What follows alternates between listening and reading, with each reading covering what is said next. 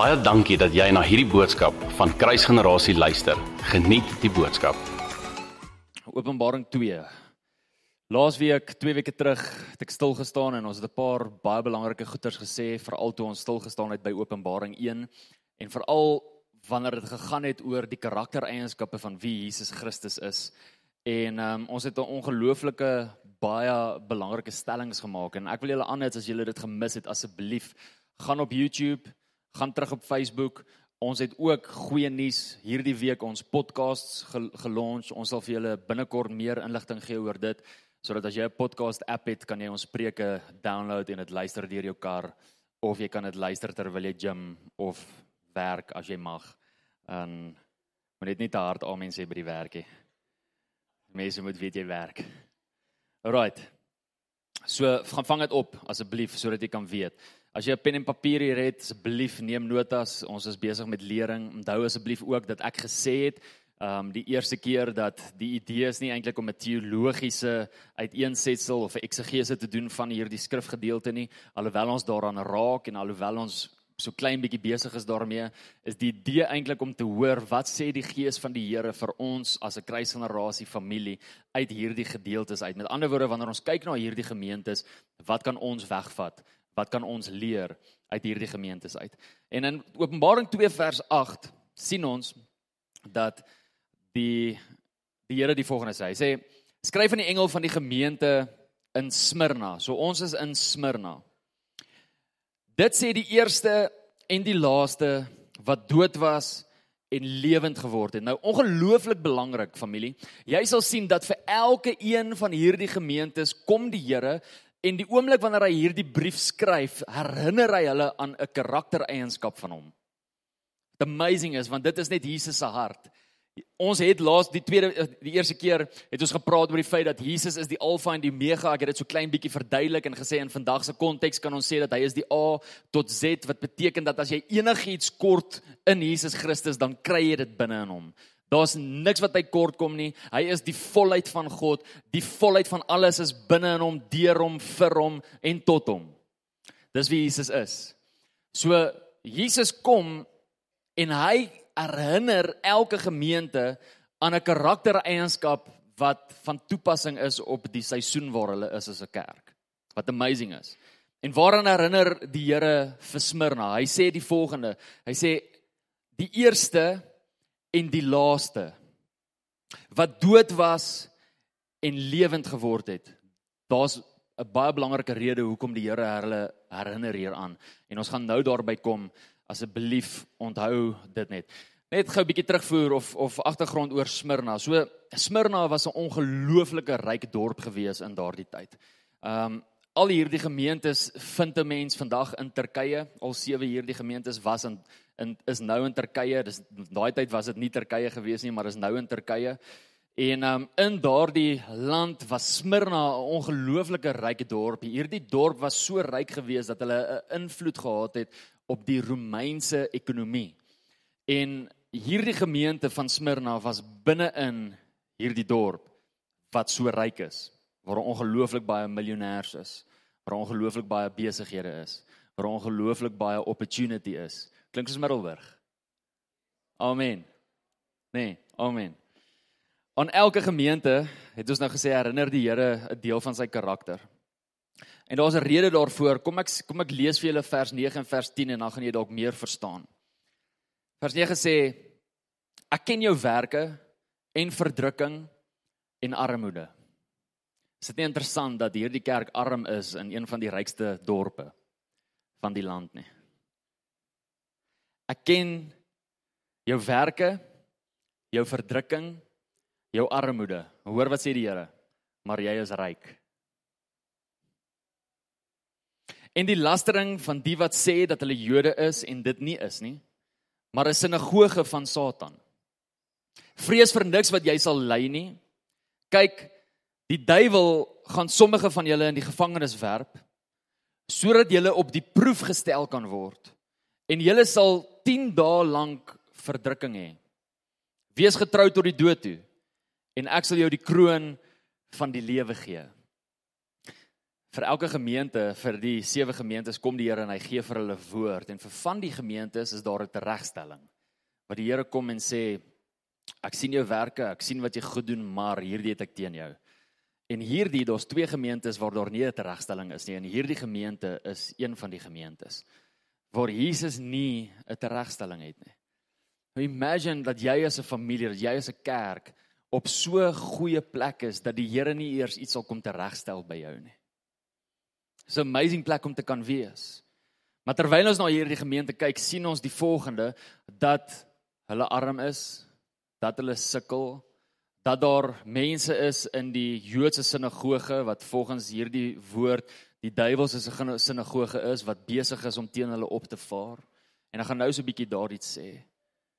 En daarom kom Jesus in die begin en hy sê vir hulle die volgende. Hy sê so sê die eerste en die laaste die een wat dood was maar nou lewend is. sien Jesus herinner aan die feit dat hy die eerste en die laaste is omdat hulle moet weet dat hy die eerste sê het oor hulle en dat hy ook die laaste sê het oor hulle. 'n Familie, kom ons wees eerlik. Daar's ongelooflik baie goed wat praat in ons lewens. Jy geweet die woord van God praat. Jy geweet dat jou omstandighede praat, jy geweet dat ander mense praat, jy geweet dat jou vrou praat? Retoriese vraag. Daar's baie goed wat praat. Wie van julle weet dat omstandighede meeste van die tyd die hardste praat? Baie keer kom 'n mens in die woord van God en daar's 'n woord of 'n belofte wat die Here vir jou gee en jy kry daai woord of jy kry daai belofte, maar jou omstandighede praat harder as wat daai belofte sê, praat harder as wat daai woord sê. Want God het vir jou iets beloof, beloof, maar wanneer jy kyk na jou lewe en wanneer jy kyk na jou omstandighede, dan sien jy dit nie. Is nie amazing dat Jesus vir hulle sê, "Maar julle is ryk." Ehm, um, Here, ons het nie geld nie. Nee, maar julle is ryk. Ehm, um, Here, maar ons het nie eers klere nie. Ons huisomstandighede is swaar. Nee, maar julle is ryk.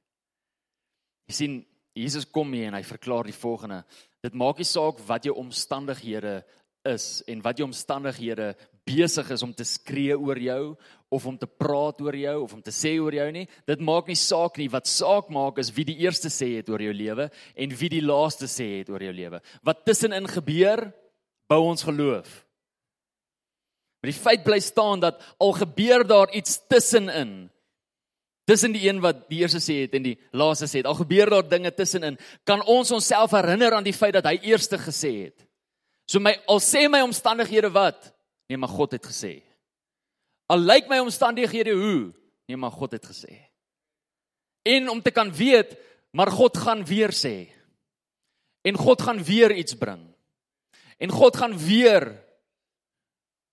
vir my kan opstaan.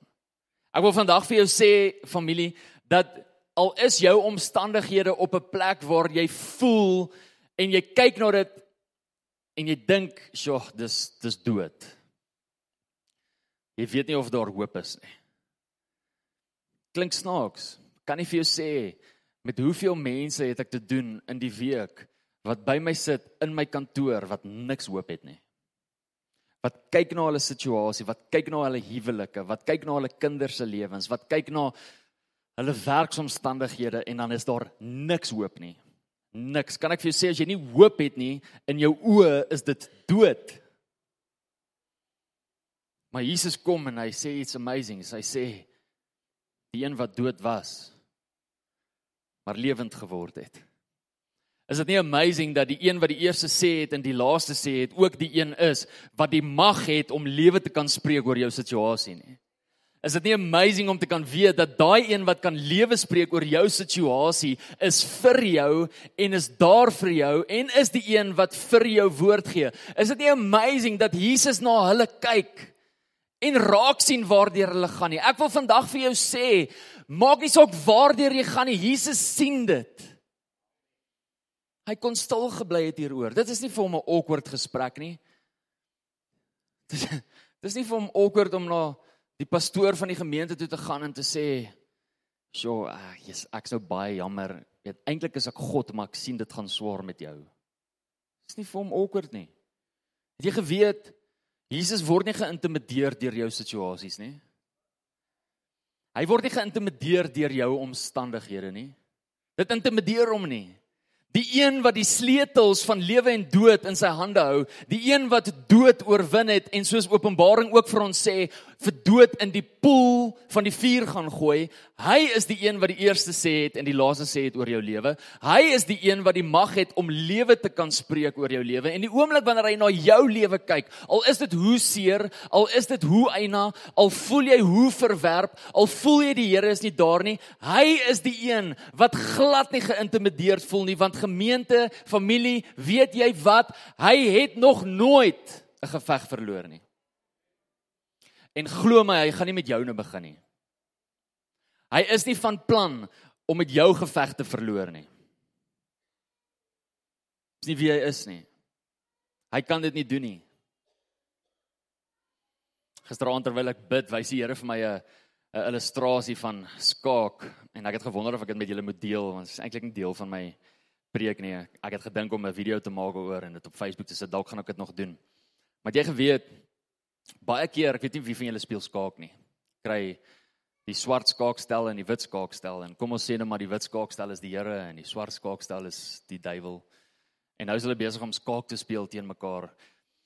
Gewoonlik as 'n mens kyk na jou eie lewe en die omstandighede is voor jou, dan voel dit vir jou baie keer of jy in skaakmat is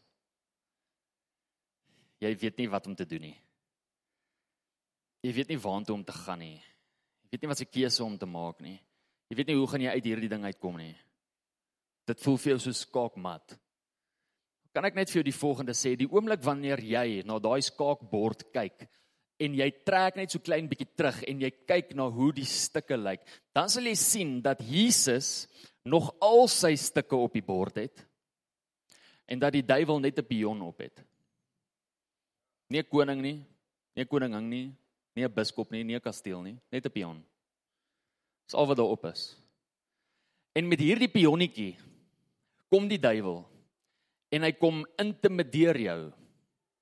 Dat jy voel dat hierdie pionnetjie so groot is en dat hierdie pionnetjie jou in skaak kan sit. En weet julle wat doen die Here? Die Here gebruik daai pionnetjie tot sy voordeel. My oupa het my geleer skaak speel toe ek klein was. En weet julle wat het my oupa vir my gesê? My oupa het vir my gesê 'n goeie skaakspeler gebruik nie sy eie stukke tot sy voordeel nie, maar gebruik die opponent se stukke ook tot sy voordeel. Kan ek vir jou die volgende sê? Dit maak nie saak wat die duiwel teen jou bring nie. My God is 'n meester skaakspeler en hy gebruik dit ook tot sy voordeel. Jy sien, jy kan dalk voel dat jy besig is om te verloor, Jy kan dalk voel dat jy in skaak is. Jy kan dalk voel dat alles besig is om plat te val. Maar God gebruik selfs dit. Is dit God? Nee. Don't even go there. Dis nie God nie. Maar gebruik God dit. Sê die woord van God dan nie vir ons dat alles ten goeie meewerk vir die wat hom liefhet nie. Dit is 'n perfekte bewys van die feit dat die pionnetjie wat teen jou kom en wat jou probeer intimideer, gaan God selfs gebruik ten goeie vir jou. En die oomblik wanneer jy nou kyk na jou omstandighede. Nou, as jy nou vaskyk in jou omstandighede, dan weet jy nie. En jy kan nie sien nie. En dit is te oorweldigend vir jou en dit is te groot vir jou. Kan ek vir jou sê as jy 'n bietjie gaan terug staan en dalk net gaan toelaat dat jy nie aan die kant van die duiwel se bord is nie, maar aan die kant van die koning se bord is en van sy oogpunt af kyk, gaan jy 'n ander prentjie sien oor waar jy jouself tans bevind.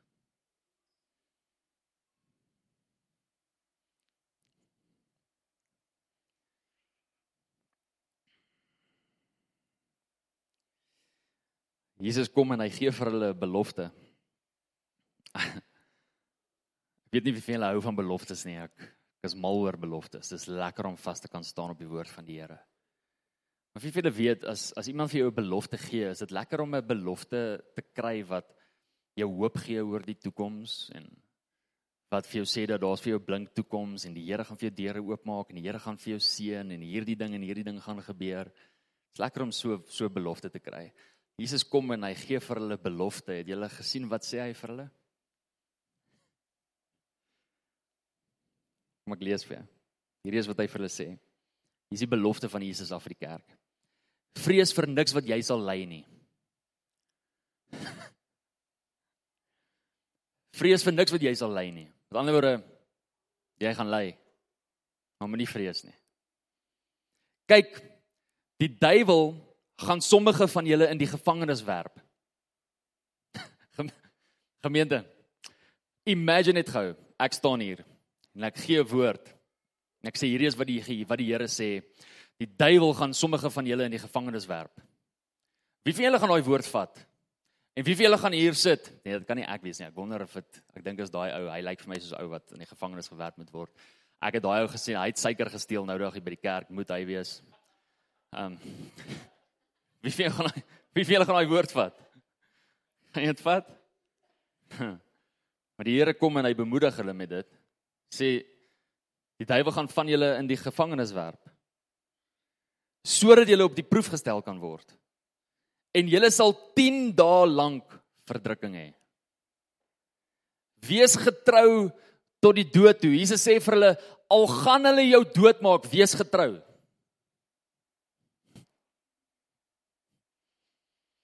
Ek sal vir jou die kroon van die lewe gee. Wie oor het, laat hom hoor wat die Gees aan die gemeente sê. Hoor wat sê hy? Die wat oorwin sal deur die tweede dood geen skade ly nie. Sjoe.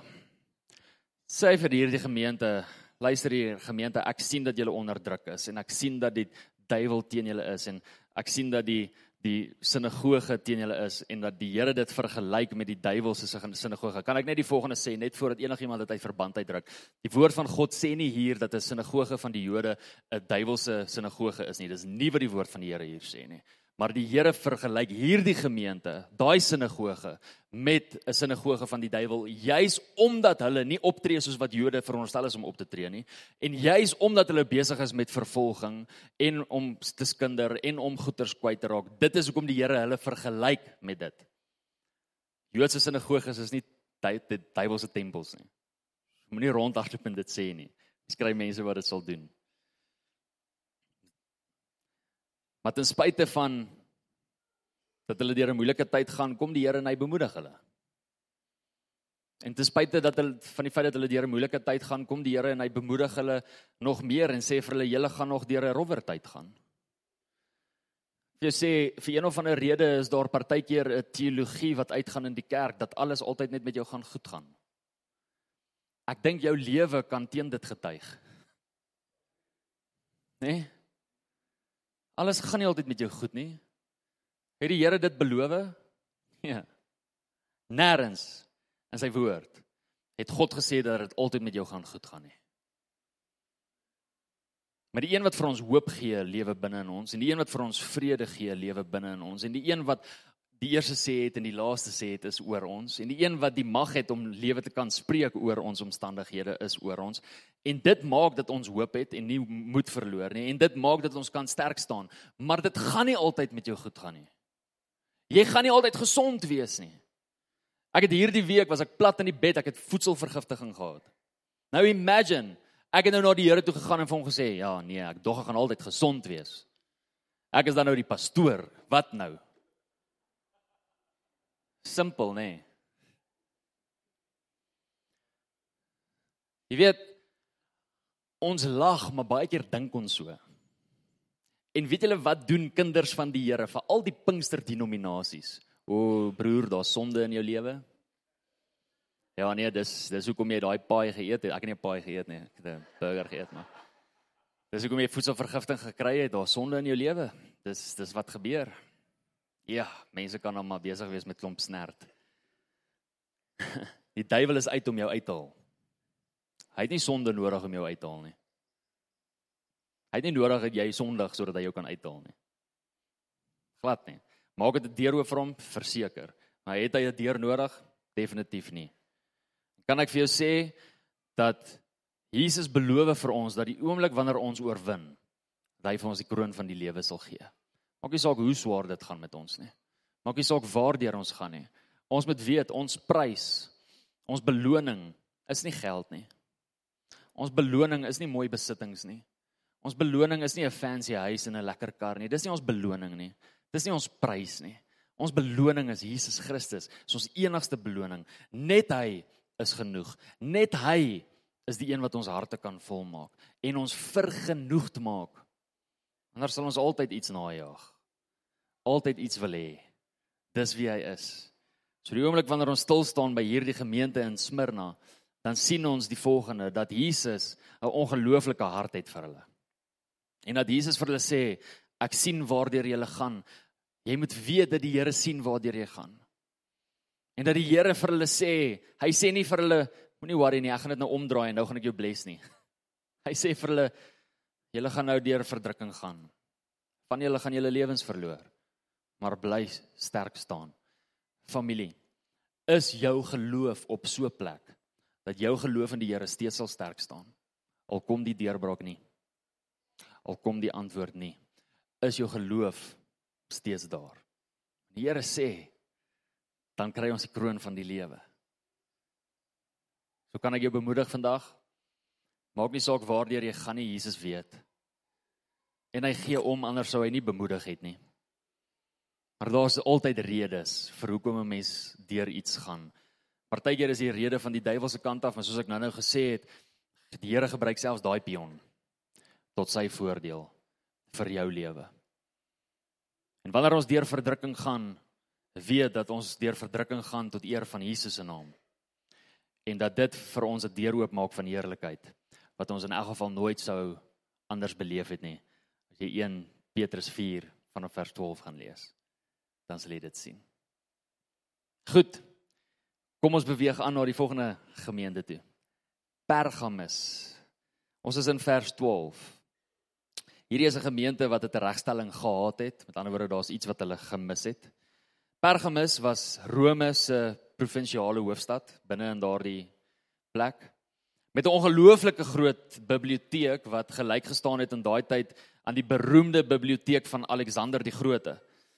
En die grootte van die biblioteek is 'n bewys van die feit dat kennis vir die Grieke ongelooflik belangrik was. Dis waar filosofie vandaan kom, van die Grieke af. En die Here kom in vers 12 weer eens en hy kom gee vir hulle, hy herinner hulle aan 'n gedeelte van sy karakter voordat hy vir hulle hierdie brief skryf. En hoor wat sê die Here vir hulle. Hy sê: "Skryf aan die engel van die gemeente in Pergamus: Dit sê hy wat die skerp twee snydende swaard het. Jesus is waarheid. En omdat hy waarheid is, breek hy valse waarhede af. Hy is die twee snydende swaard.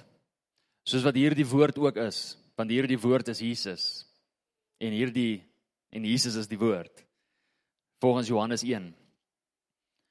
En ons moet weet dat wanneer kennis opstaan teen die Here, dan kom hy met 'n tweesnydende swaard met waarheid sodat wat ook al homself verhef teen die Here afgebreek kan word en afgesny kan word en dat ons kan bly by die beginsels van dit wat die woord van God sê. Die oomblik, ek weet nie of jy al probeer redeneer het met iemand wat ongelooflik slim is nie. Lag nou nou vir Stefan, hy sê hy het nou eendag met 'n ou gesit en die ou is slimmer as 'n mens. En uh, hy het net gevoel hy kan nie met die ou redeneer nie. Het jy al te doen gehad met iemand wat slimmer is as 'n mens? Hy het al die vrae en hy like dit om vir jou vrae te vra en hy het nie noodwendig die antwoorde nie, maar die feit dat jy nie die antwoorde het nie, maak dat hy slim voel. Pastoor Tuis lag want hy te doen met baie sulke mense. Hy en ek moet ook lag want van julle sit hier.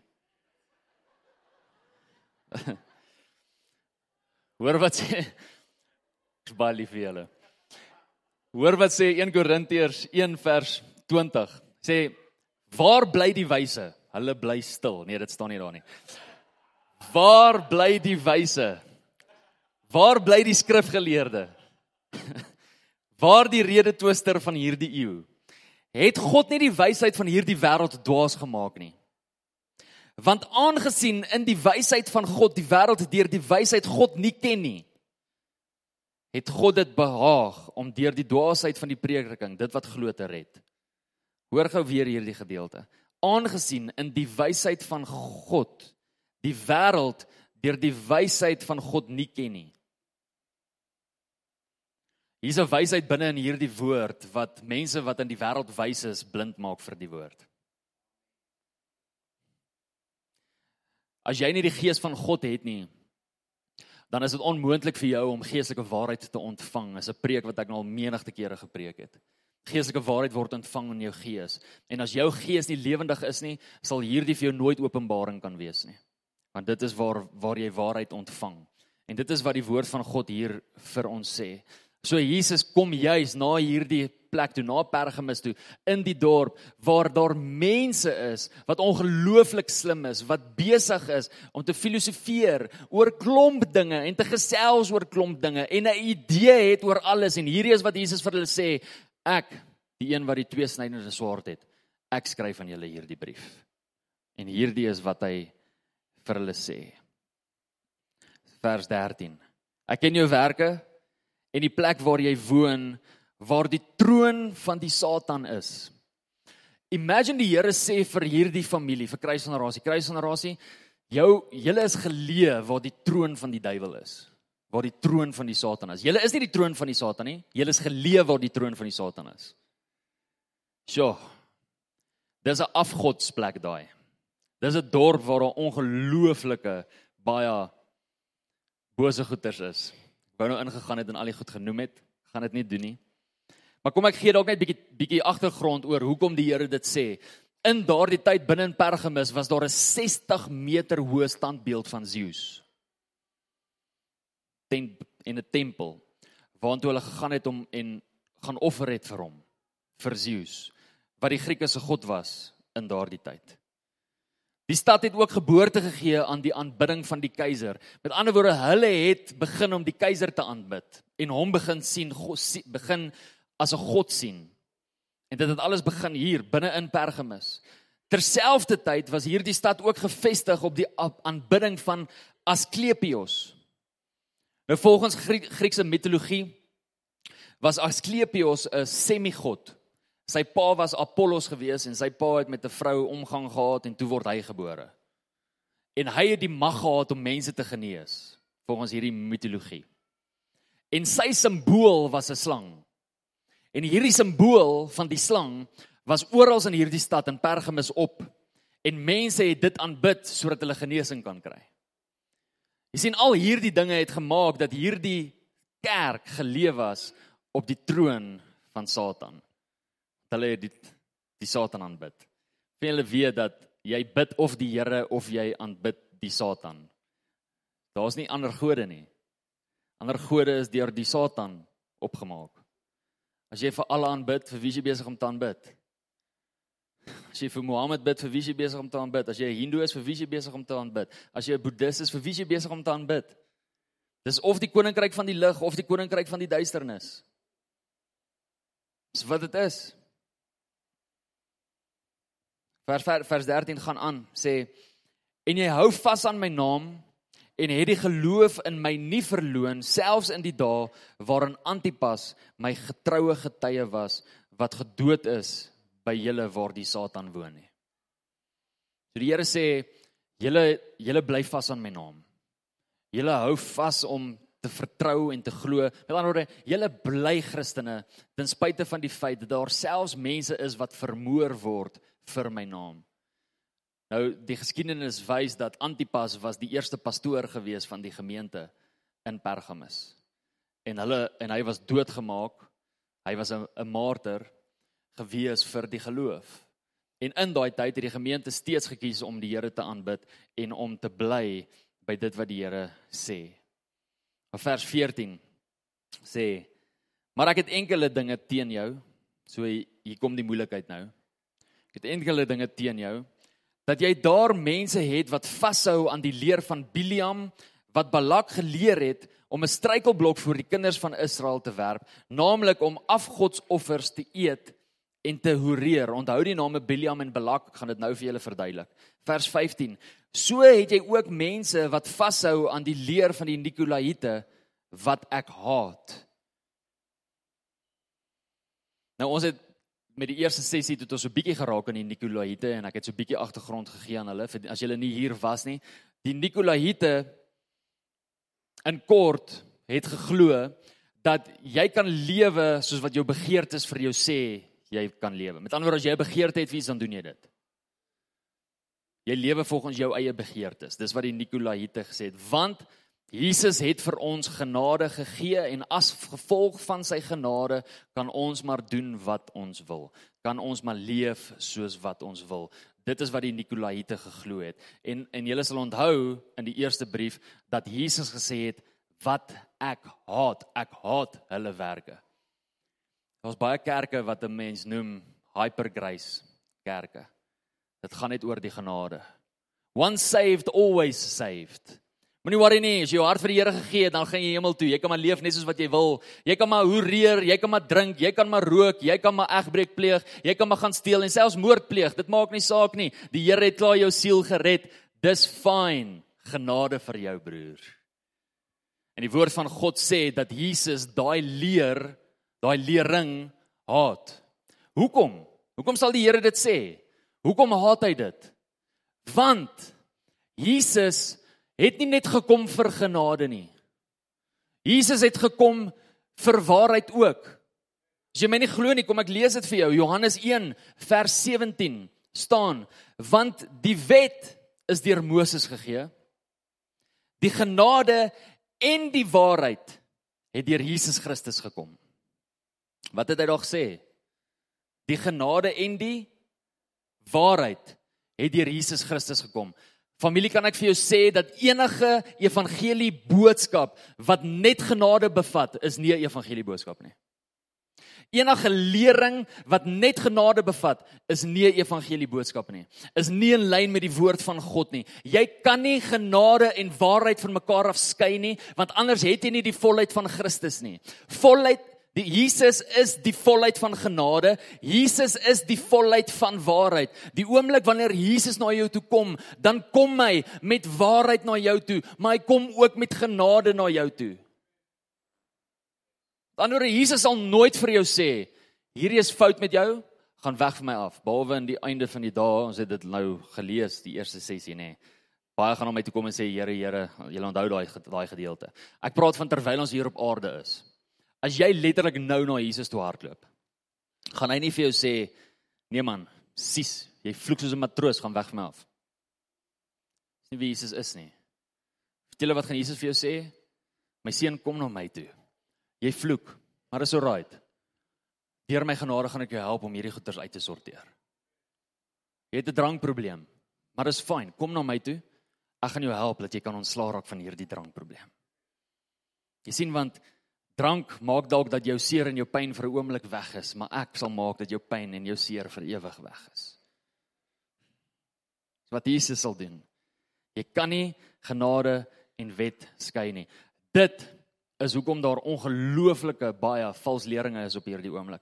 En ongelukkig is dit ook hoekom daar so baie kinders van die Here op 'n plek is waar hulle so verwar is oor wat die waarheid is en ook nie sal uitpraat oor die waarheid nie en sal stil bly oor sekere goeters want nee maar God is 'n God van genade so ek kan nou nie wie's ek nou om 'n klip te gooi? Dit gaan nie oor klippe gooi nie. Jy gooi nie 'n klip nie jy bring 'n swaard. Daar's 'n verskil tussen om 'n klip te gooi en om die swaard te bring. Daar's 'n verskil tussen om iemand te help om nie hel toe te gaan nie en iemand net te los dat hy hel toe gaan. Daar's 'n groot verskil. Jy gooi nie iemand met 'n klip sodat hy nie hel toe gaan nie. Jy gooi 'n hond met 'n klip en hy hardloop weg. Ons gooi nie honde met klippe nie. Mense met klippe nie. Ek was baie klein gewees, ek bely dit nou. Ek het al 'n hond met 'n klip gegooi, maar ek was klein, so klein. OK. Dit is ongelooflik belangrik vir ons om seker te maak dat daar genade is in ons lewens. Daar is genade. Elke keer wanneer 'n brief geskryf word vir die gemeentes, dan sê hy ook die genade van die Here Jesus Christus sy saam met julle daar daar moet genade wees. Prys die Here vir genade. Ek het genade nodig, maar ek het genade saam met waarheid nodig. As ek nie waarheid in my lewe inkry nie, dan verander ek nie. Want dan sê genade net die hele tyd, dis oukei, okay, dis oukei, okay, dis oukei okay, en ek verander niks. Maar as die waarheid die hele tyd inkom, dan weet ek dit is oukei, maar dis nie oukei om hier te bly nie.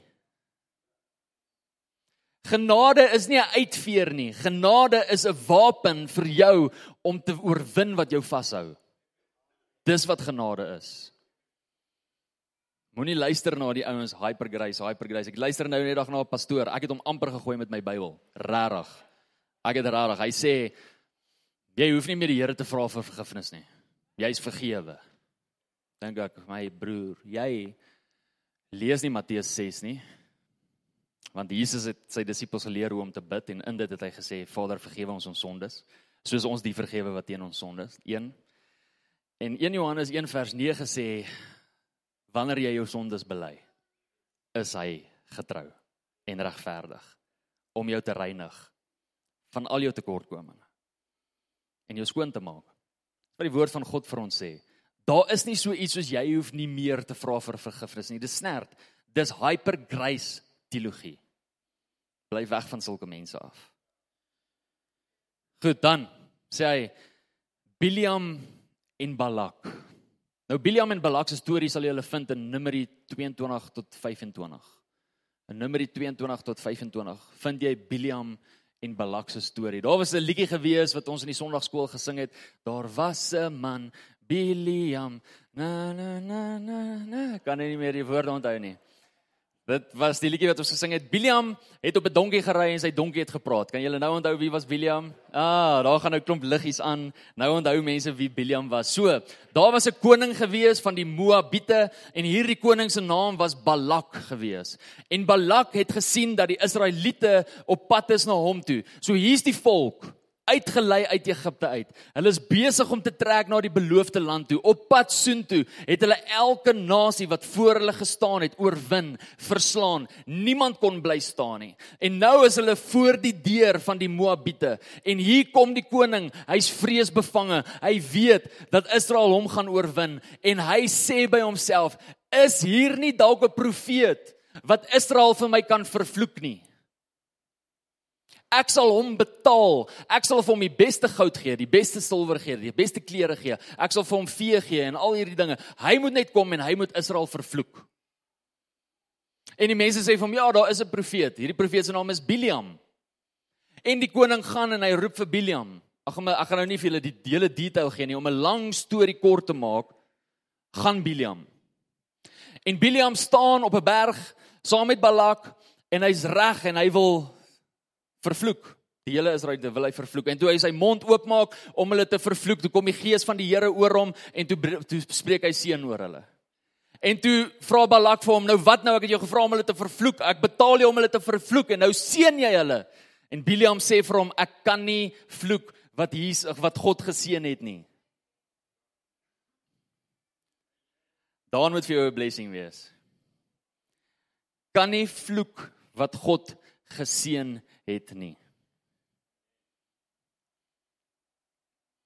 En Balak sê vir hom, "Oké, okay, kom ons probeer weer."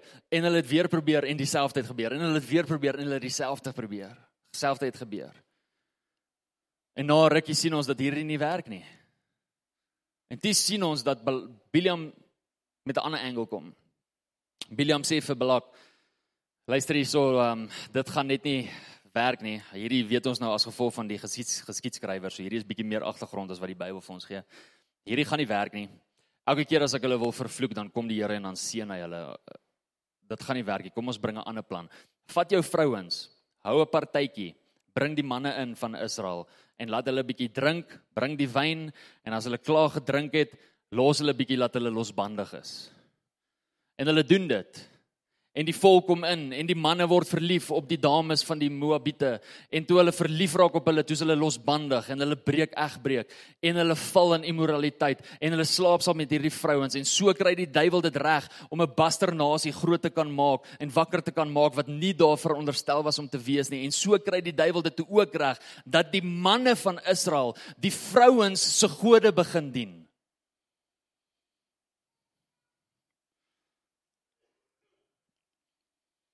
Daar's nogal iets aan 'n vrou wanneer dit kom by invloed en en ek's eintlik in 'n positiewe manier. Wanneer dit kom by invloed. Ek het al hoeveel kere gesien hoe mans aanhou om die Here te dien as gevolg van hulle vrouens. Vrouens, dankie. Julle invloed is groot. Maar sien julle wat is gevaarlik as 'n vrou nie die Here dien nie? Wat gebeur dan? Die manne begin doen wat die vrouens van hou. om hulle net te please. Want anders is die hekke toe. En dan kan hulle nou nie doen wat hulle graag wil doen nie. So nou luister hulle nou maar. En dit is wat die, die woord van die Here kom oor hierdie gemeente en hy sê vir hulle dat jy daar mense het wat vashou aan die leer van Biliam wat Balak geleer het om 'n struikelblok voor die kinders van Israel te werp, naamlik om afgodsoffers te eet en te hoereer. So wat beteken dit vir ons vandag? Kan ek die volgende sê? Balak wou vir Biliam betaal sodat Biliam sal sê wat Balak wil hê hy moet sê. En ek wil 'n verklaring maak van hierdie kansel af. Die evangelie van Jesus is nie te koop nie. Jy kan inkoop, maar hy's nie te koop nie. En geen persoon binne in die familie van kruisgenerasie sal 'n bedrag geld bring en sê Pastoor, ek wil jou bless met 10000 rand. Of ek wil jou bless met 100000 rand. Of ek wil jou bless met 10 miljoen rand. Of ek wil jou bless met 50 miljoen rand gaan bou die auditorium. Prys die Here. Kan ek vir jou vandag sê as iemand hier instap en hy sê ek wil jou bless met 50 miljoen rand bou die auditorium. Maar jy preek wat ek wil hê jy moet preek. Sal ek vir hom sê die Here sal vir my op 'n ander plek geld gee. Maar nie by jou nie. Weet julle wat is die hartseer ding? Is dat daar kerke is waar dit regtig gebeur. En dat ek in kerke pastoor was, dit het nog nie hier gebeur nie, prys die Here. 'n Pastoor was waar dit al met my gebeur het. Waar iemand vir my gesê het, verander die worship net so bietjie, sing bietjie meer Afrikaans. Sê ek vir hom, daar's jou geld en daar's die deur.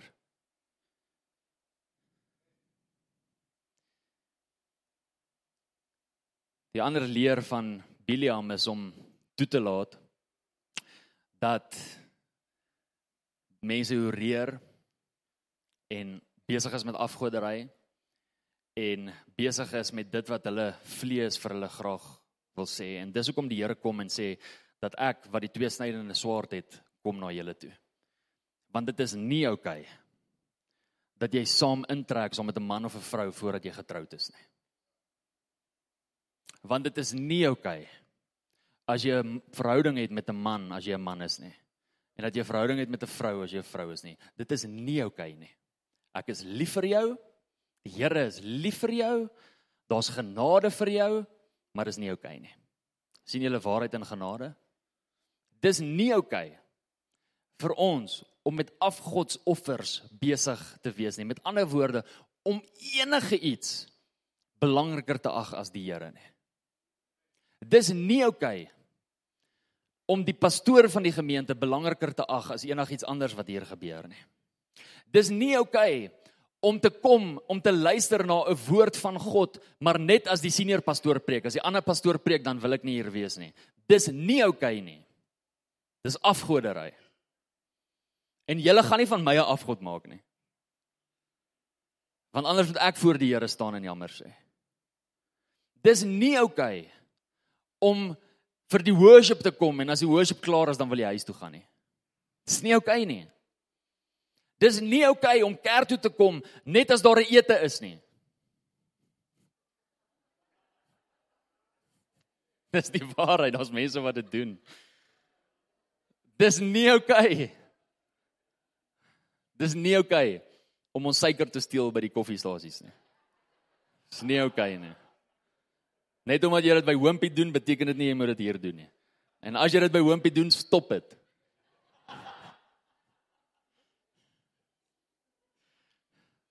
Maar eet nog steeds lekker.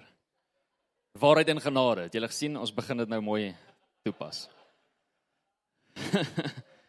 maar hoor wat sê die Here vir hulle in vers 17. Vers 16, skus. Hy sê: "Bekeer jou anders kom ek gou na jou toe." en sal teen hulle oorlog voer met die swaard van my mond. Met wie praat Jesus hier? Hy praat met die gemeente. Is dit nie 'n skerry gedagte om te weet dat Jesus oorlog voer teen die gemeente nie? Kyk, as jy nou in 'n oorlog wil ingaan, geestelike oorlog wil ingaan, dis daar nou een persoon met wie jy nie in geestelike oorlog ingaan nie en dit is met Jesus self nie. Jy wil seker maak hy's aan jou kant. Jy wil seker maak jy's aan sy kant. En Jesus sê hier, as julle nie verander nie, gaan ek teen julle oorlog voer met die swaard van my mond. So wat gebeur? Ewe skielik staan daar predikers op wat ongelooflik sterk is op die woord en net waarheid praat en net waarheid praat en net waarheid praat en daar's niks genade nie, dis net waarheid. Dis net waarheid. Want hoe kom die Here en hoe berus hy 'n mens? Deur waarheid. Deur sy woord. Gaan lees Johannes 15. Hoe louter hy ons? Deur sy woord. Hoe reinig hy ons? Deur sy woord.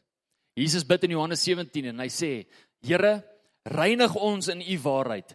U woord is waarheid. Hoe reinig die Here ons? Deur sy woord.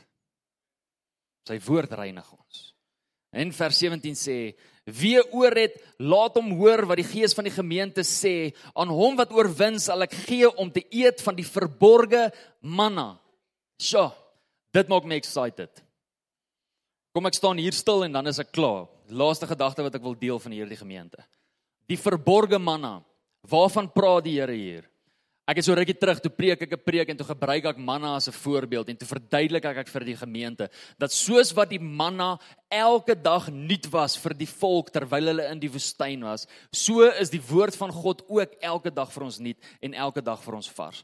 Soos wat die Here vir die mense gesê het, moenie manna vat vir môre nie, so wil die Here hê dat jy elke dag in sy teenwoordigheid ingaan sodat jy elke dag 'n woord kan kry vir die dag. En nou praat hy hier van verborgde manna. Met ander woorde, daar's manna wat almal nie kry nie. Daar's manna wat nie met almal gedeel word nie.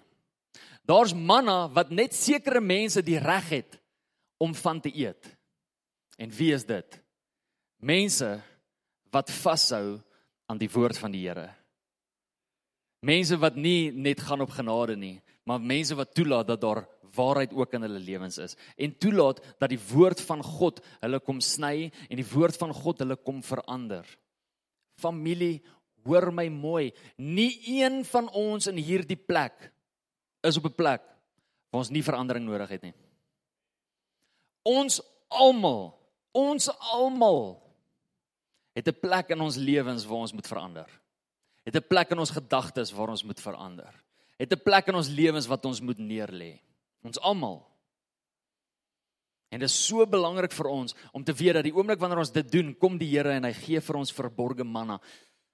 Ek het dit al gesien. Ek het al baie met mense te doen gehad en die oomblik wanneer hulle praat, die oomblik wanneer hulle begin preek, dan hoor jy goed wat jy nog nooit gehoor het nie. Dan dink jy, "Waar kry die mense hierdie openbaring?" Dit is baie mooi en baie eenvoudig. Dis mense wat oorwin Dis mense wat sterk staan. Dis mense wat toelaat dat die gees van die Here en die swaard van die Here hulle kom sny en hulle kom verander. En aan sulkes word daar verborgde manna gegee. Daai openbaring wat niemand kry nie. Blaai gesaam met my na Jeremia 33 vers 3 toe.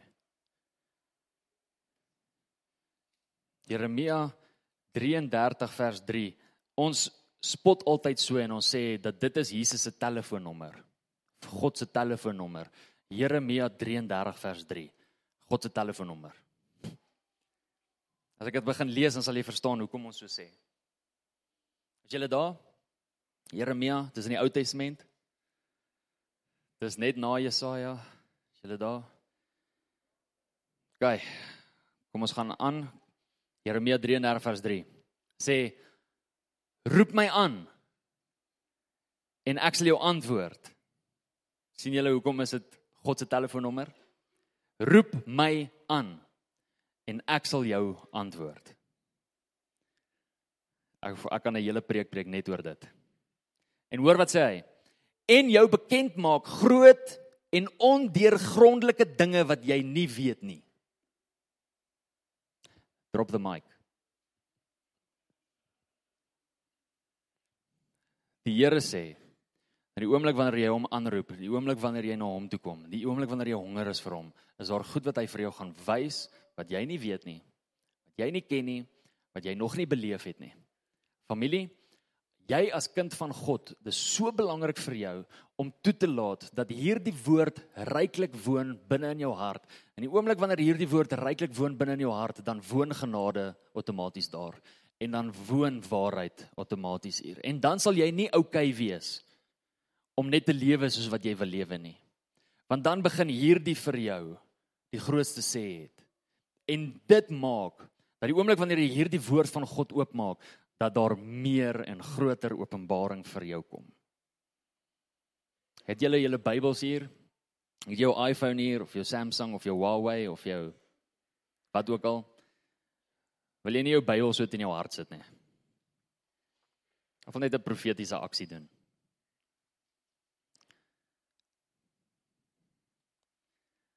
Vader, soos wat hierdie woord op ons harte is vanoggend, bid ek dat dit deurgrond sal word en ingeplant sal word binne in elke een van ons se harte in hierdie plek.